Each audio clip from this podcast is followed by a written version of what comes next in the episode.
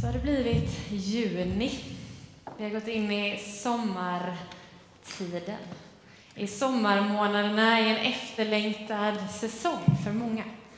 Att faktiskt få glädjas åt grönskan och kanske hyfsat snart för vissa en ledighet och ett sommarlov. Det känns som att vi är inne i en säsong just nu där avslutningarna duggar tätt. Och det här är ju på ett sätt en av de sista gudstjänsterna som vi har här innan sommaren. Som sagt, konfirmationsavslutning nästa vecka. Men det här är ju liksom den sista vanliga gudstjänsten. Känns lite konstigt. Innan sommaren. Och då tänkte jag att jag skulle få passa på att få hänga kvar lite i förra veckans tema egentligen. I pingsten. Och att utifrån den få ge två sanningar in i ditt liv. Jag tänker att vi, när vi pratar om tro så pratar vi ju väldigt sällan om att vi vet med säkerhet vad som är sant. Det är ju liksom inte det som tro handlar om, utan tro handlar om att, ve, att tro ändå, trots att vi inte alltid vet. Men trots det skulle jag vilja idag få skicka med två sanningar in i ditt liv. Att bära med dig inför sommaren, inför liksom den på ett sätt kanske paus i tillvaron. Åtminstone i det där vardagshjulet som vi lätt hamnar i. Att få bära med sig, att få vila i, att få stå på inför sommaren. Och den första är egentligen en av de mest grundläggande sanningarna om ditt liv. Men som vi lätt tenderar att glömma bort. Och det är den enkla sanningen och den svåra sanningen. Att du är älskad. Du är sedd och du är älskad. Ibland tänker jag att vi tenderar att missa det så ofta. Vi försöker liksom att hamra in det förhoppningsvis i våra barn och i våra ungdomar. det spelar ingen roll om du misslyckades på provet eller om det inte gick bra i fotbollsmatchen. Det är inte det viktigaste. Liksom. Du är älskad ändå. Men sen är det som att vi lätt glömmer bort det. Att vi liksom tenderar på att hamna på i våra liv och så glömmer vi det som är den mest grundläggande sanningen av dem alla. Att jag är älskad. Att det faktiskt inte är det viktigaste hur det gick i jobbet den här veckan. Eller om jag hade det perfekt städade hemmet. Eller om jag lyckades eller kom ihåg att packa matsäcken till dotterns utflykt. Det kan bli lite kris, men det är egentligen inte det som är det avgörande. Eller, du vet, lyckades jag med allt det jag skulle hinna med?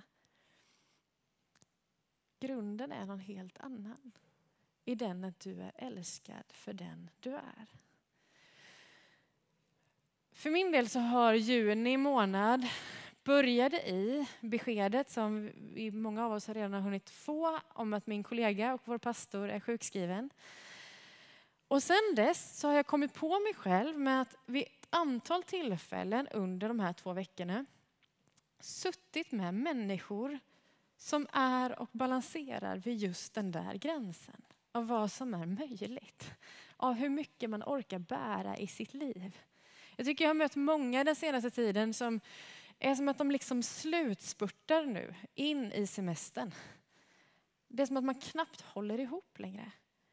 Vi som har haft nu ändå två år av lite mer vila och luft i kalendern. Nu när pandemin har börjat lätta så har allt slått på ett så mycket högre tempo än vad vi någonsin har sett innan. Och om vi tyckte maj var jobbig förut så är det som att nu så möter jag liksom en efter en som är helt slut. Man vet inte längre hur man håller ihop det. Och så är det liksom bara snart, snart är det sommar. Och så tänker jag att vi så lätt går vilse i den där tillvaron. Och min fundering är också mycket hur, hur är vi som kyrka en del av det? Blir kyrkan också någonting som bara verksamhetsmässigt ska stressat med och bli ytterligare ett krav i vardagen? Eller kan tron få vara det som jag tänker att det borde få vara? Nämligen en plattform för allt annat i mitt liv. En grundplåt att få vila mitt liv på. I vissheten om att jag är älskad ändå. Oberoende av allt annat. bortsett från allt annat. Jag är älskad, bottnad i Guds kärlek med mitt liv. Och kan församlingen få vara det som får ge liv in i min tillvaro istället för det som dränerar det. Och vad har detta med pingsten att göra? Och jag tänker att pingsten, det som sker på pingstdagen när den heliga ande ges åt alla är på ett sätt yttersta beviset, yttersta manifestationen på Guds kärlek till dig. Julia och Palle och Ingalill var inne på det förra veckan och missade ni gudstjänsten förra veckan så gå in och se den. Det är jättehärliga vittnesbörd om vad anden är.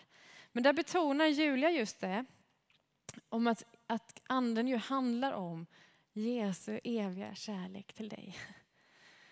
Ibland pratar man om anden som det tredje templet i Bibeln. Jag vet inte hur väl insatta ni är i frälsningshistorien. I liksom den gamla testamentets grund och vad som händer inför Jesus. Men grunden i gamla testamentet är ju att Gud älskar människan. Att Gud skapar människan av all sin kärlek. Att han ser henne och säger att det här är gott. Det här är något extraordinärt. Det är någonting som jag har all min glädje och kärlek i. Och så beskrivs det hur Gud vill vara närvarande bland människorna. Hur Gud vill vara med dem. Redan i skapelsens början, men sen när det inte går så bra så tar han sin boning i templet. Mitt bland människor. Och så är han där och vakar över dem, är med dem, går med dem. Men problemet med Gamla Testamentets berättelser det är ju att Gud är helig och människan så ofta faller. Och att människan i sig är en del av syndens inverkan på den här jorden. Så templet var ju någonting som inte alla hade tillträde till. Och som inte alla fick komma in i. Även om Guds närvaro var där så kunde inte alla nå in där. Och sen beskrivs det i Gamla Testamentet, löftet, berättelsen om att Jesus ska komma. Att Gud väljer att kliva ner i fysisk gestalt bland människor så att han kunde bli närvarande på riktigt, gå bland människor. Och Jesus beskrivs och sägs ibland som det andra templet. Han säger så här om sig själv när han talar om liksom sin död och uppståndelse. Att riv ner detta tempel så ska jag låta det uppstå igen på tre dagar.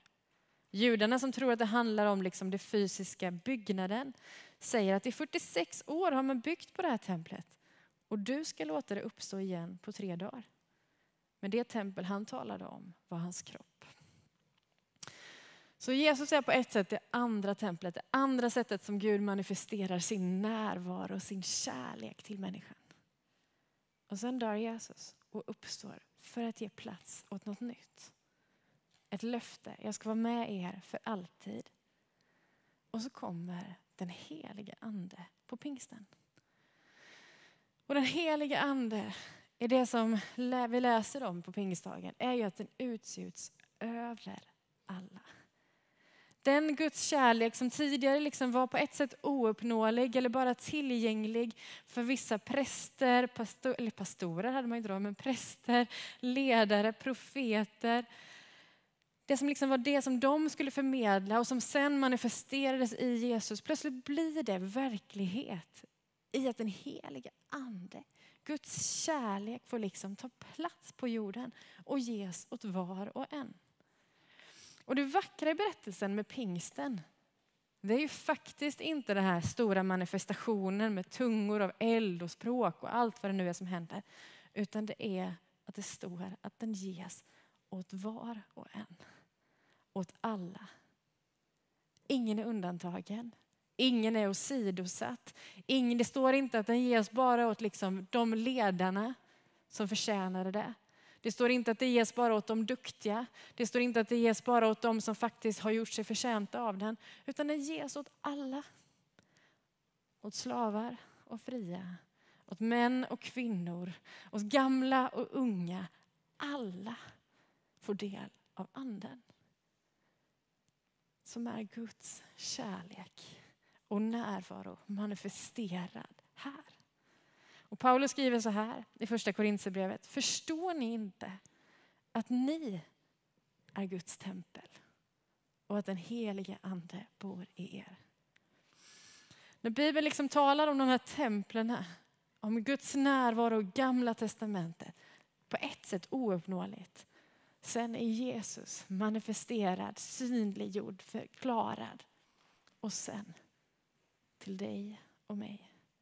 Du är Guds tempel och den heliga ande kan få bo i dig, leva i dig.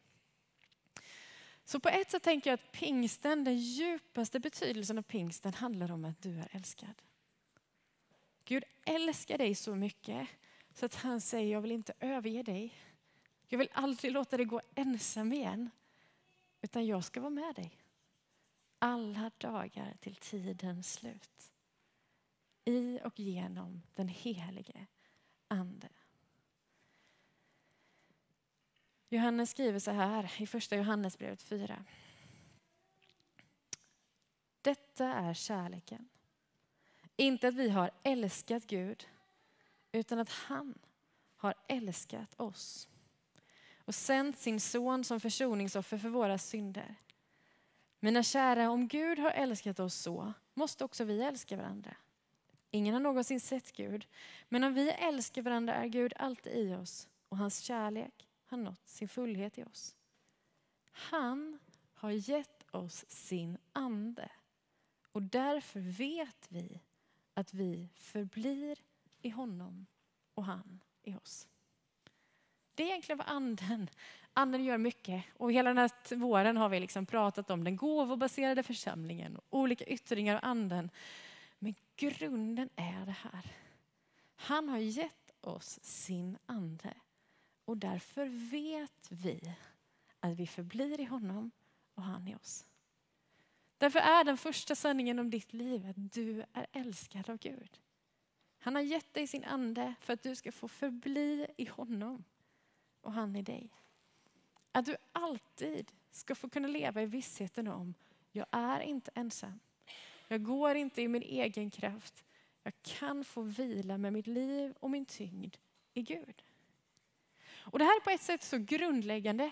Vi säger det i söndagsskolan redan och vi mantrar in det genom hela vägen och ändå som sagt tänker jag att vi missar det så ofta.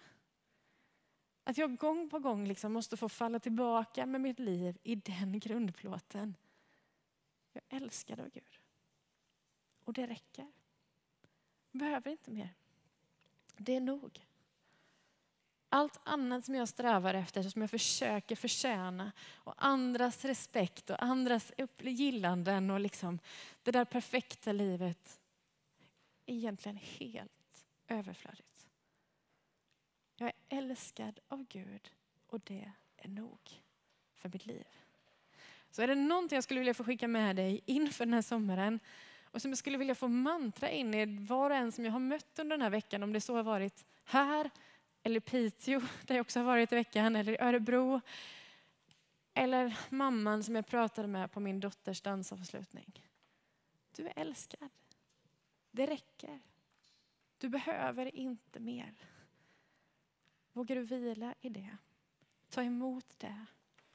Någon har någon gång sagt, och jag kommer inte ihåg vem, men som har sagt så här att tänk om meningen med livet är att våga låta sig bli älskad av Jesus. Det är grunden. Det är nog. Om en bergen rubbas, står det i Jesaja 54, och höjderna vacklar ska min trohet mot dig inte rubbas och mitt fredsförbund mot dig inte vacklar. Säger han som älskar dig, Herren. Så det är den första sanningen om ditt liv. Jag hade med ett hjärta men det glömde jag ju lägga upp. Men den får, den får stå som en form av symbol. Anita påminner mig ibland om att det är bra med illustrationer. Här kommer den illustrationen. Den andra jag hade tänkt att ha var att jag tänkte hitta den här steget-symbolen. För det första sanningen, du är älskad hade ju räckt. Men jag vill få skicka med en sak till. Och då tar vi med den här. Steget är ju en del vi har i den här kyrkan som handlar om att man kan få dela liksom en personlig erfarenhet, tanke om Gud. och livet. Och det andra jag skulle vilja få skicka med, som också är med grunden i pingsten, den andra sanningen om ditt liv tänker jag, det är att du har fått ett språk. Vi har pratat om den gåvobaserade församlingen, om att vi har blivit rustade med gåvor. Och jag tänker att på ett sätt är det samma sak. Men idag skulle jag vilja använda ordet att du har fått ett språk. I det som händer i pingsten, det är ju att, att lärjungarna blir fyllda av anden och så börjar de tala andra tungomål med de ord som anden inger. Och det kan man ju diskutera mycket och det är ju uppseendeväckande och för lätt tankarna till tungotalet och, och det är klart att det har en betydelse där. Men det som händer sen, det är att de går ut och så börjar de predika. Och när de börjar predika så står det i texten att alla blir förvånade därför att de hörde sitt språk talas. Och när det står just det ordet, ibland får man grotta i grundtexten, när det står just det ordet att man hör sitt språk talas, då är det inte alls samma ord som tungotal. Det är ett helt annat vokabulär. Liksom. Man hör sin dialekt, sitt språk, man känner igen sig. Liksom. Och det här tänker jag är en nyckel också i den här texten. Det som händer här är ju att någonting frigörs i lärjungarna. Så att budskapet om Guds kärlek gör sig förstått. I deras fall handlar det ju om fys, liksom, språk med ord, tänker jag. Eller det är åtminstone det vi kan läsa om. Men jag tänker att du har fått ett språk från Gud. Du har fått ett språk som han har lagt ner i dig som du har att använda och bruka för att Guds kärlek ska göra sig förstådd bland människor du möter. Och det språket kan ju vara att du är vältalig. Skulle kunna vara det. Det finns de där eh, häpnadsväckande berättelserna, Palle nämnde det förra gången, om människor som faktiskt får ett annat språk för att just där och då förmedla ett tilltal i en annan situation till en människa som inte har svenskan som sitt modersmål. Men jag tänker också att språk är så mycket bredare än det. Det handlar också om att du har blivit rustad med gåvor. Du har fått språk som Gud vill använda i dig. Du kanske har fått kreativa språk. En kreativitet, en förmåga att liksom omsätta ord i bild, i färg, i form. Du kanske har fått med ett musikaliskt språk, att faktiskt få använda det Gud har gett dig och så sätta ton till det. Så att det får bli förstått och begripligt. Jag pratade med en vän om det förra veckan, att just det här med liksom musiken är ju lite intressant. Därför att vi kan ju predika söndag efter söndag efter söndag och känna att vi tömmer så mycket ord. Men en som verkligen lyckas formulera det är en sång. Det kan få bli bärande och det kan få bära genom år, genom årtionden och fortfarande ge liv. Du kanske har den gåvan. Du kanske har hantverkets språk. Hantverksskickligheten, att faktiskt med din kropp kunna liksom manifestera någonting. Vad har du fått för språk att använda? Vilka människor är det du är sänd till? Var är din vardag, ditt sammanhang, ditt grannskap, din familj, din, dina kollegor? Var är du satt någonstans? Och vad har gett dig av förmågor, egenskaper, lyhördhet, kreativitet och språk. För jag tänker, och jag tänker att det är också någonting vi läser i Bibeln, är att när den heliga Ande också ges åt människorna så rustar han dem med gåvor. Att anden också framträder genom människor så att den får bli till nytta vi kan ju läsa om liksom andens häpnadsväckande gärningar och vi kan känna att jag skulle vilja ha det där. Men egentligen är det väldigt få ställen där jag läser i Bibeln om att anden först och främst är till för mig. Den är alltid nästan till för någon annan. För att den genom mig ska göra Guds kärlek begriplig. För att den genom mig ska göra att hans evangeliet om vem Jesus är får bli förstått.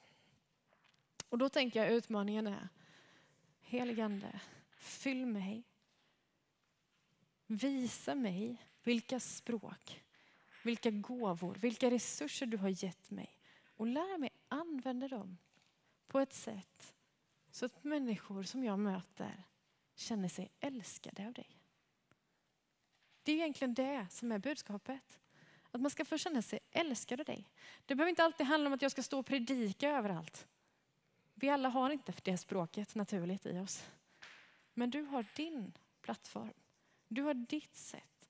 Och hur kan du använda den du är på ett sätt så att Guds kärlek får lysa igenom? Det är det som händer på pingstdagen. När lärjungarna blir rustade med anden, det är att de börjar gå ut och så börjar de använda det de har. De har inte all kunskap. De vet inte allt. De har inte alla svar på allting. De har dessutom missuppfattat ganska mycket, inser man sen när man följer dem längs vägen. De har ganska mycket snett ute flera gånger i vad de börjar undervisa i. Men de har fått någonting. De har fått liksom insikten om, jag är älskad av Gud.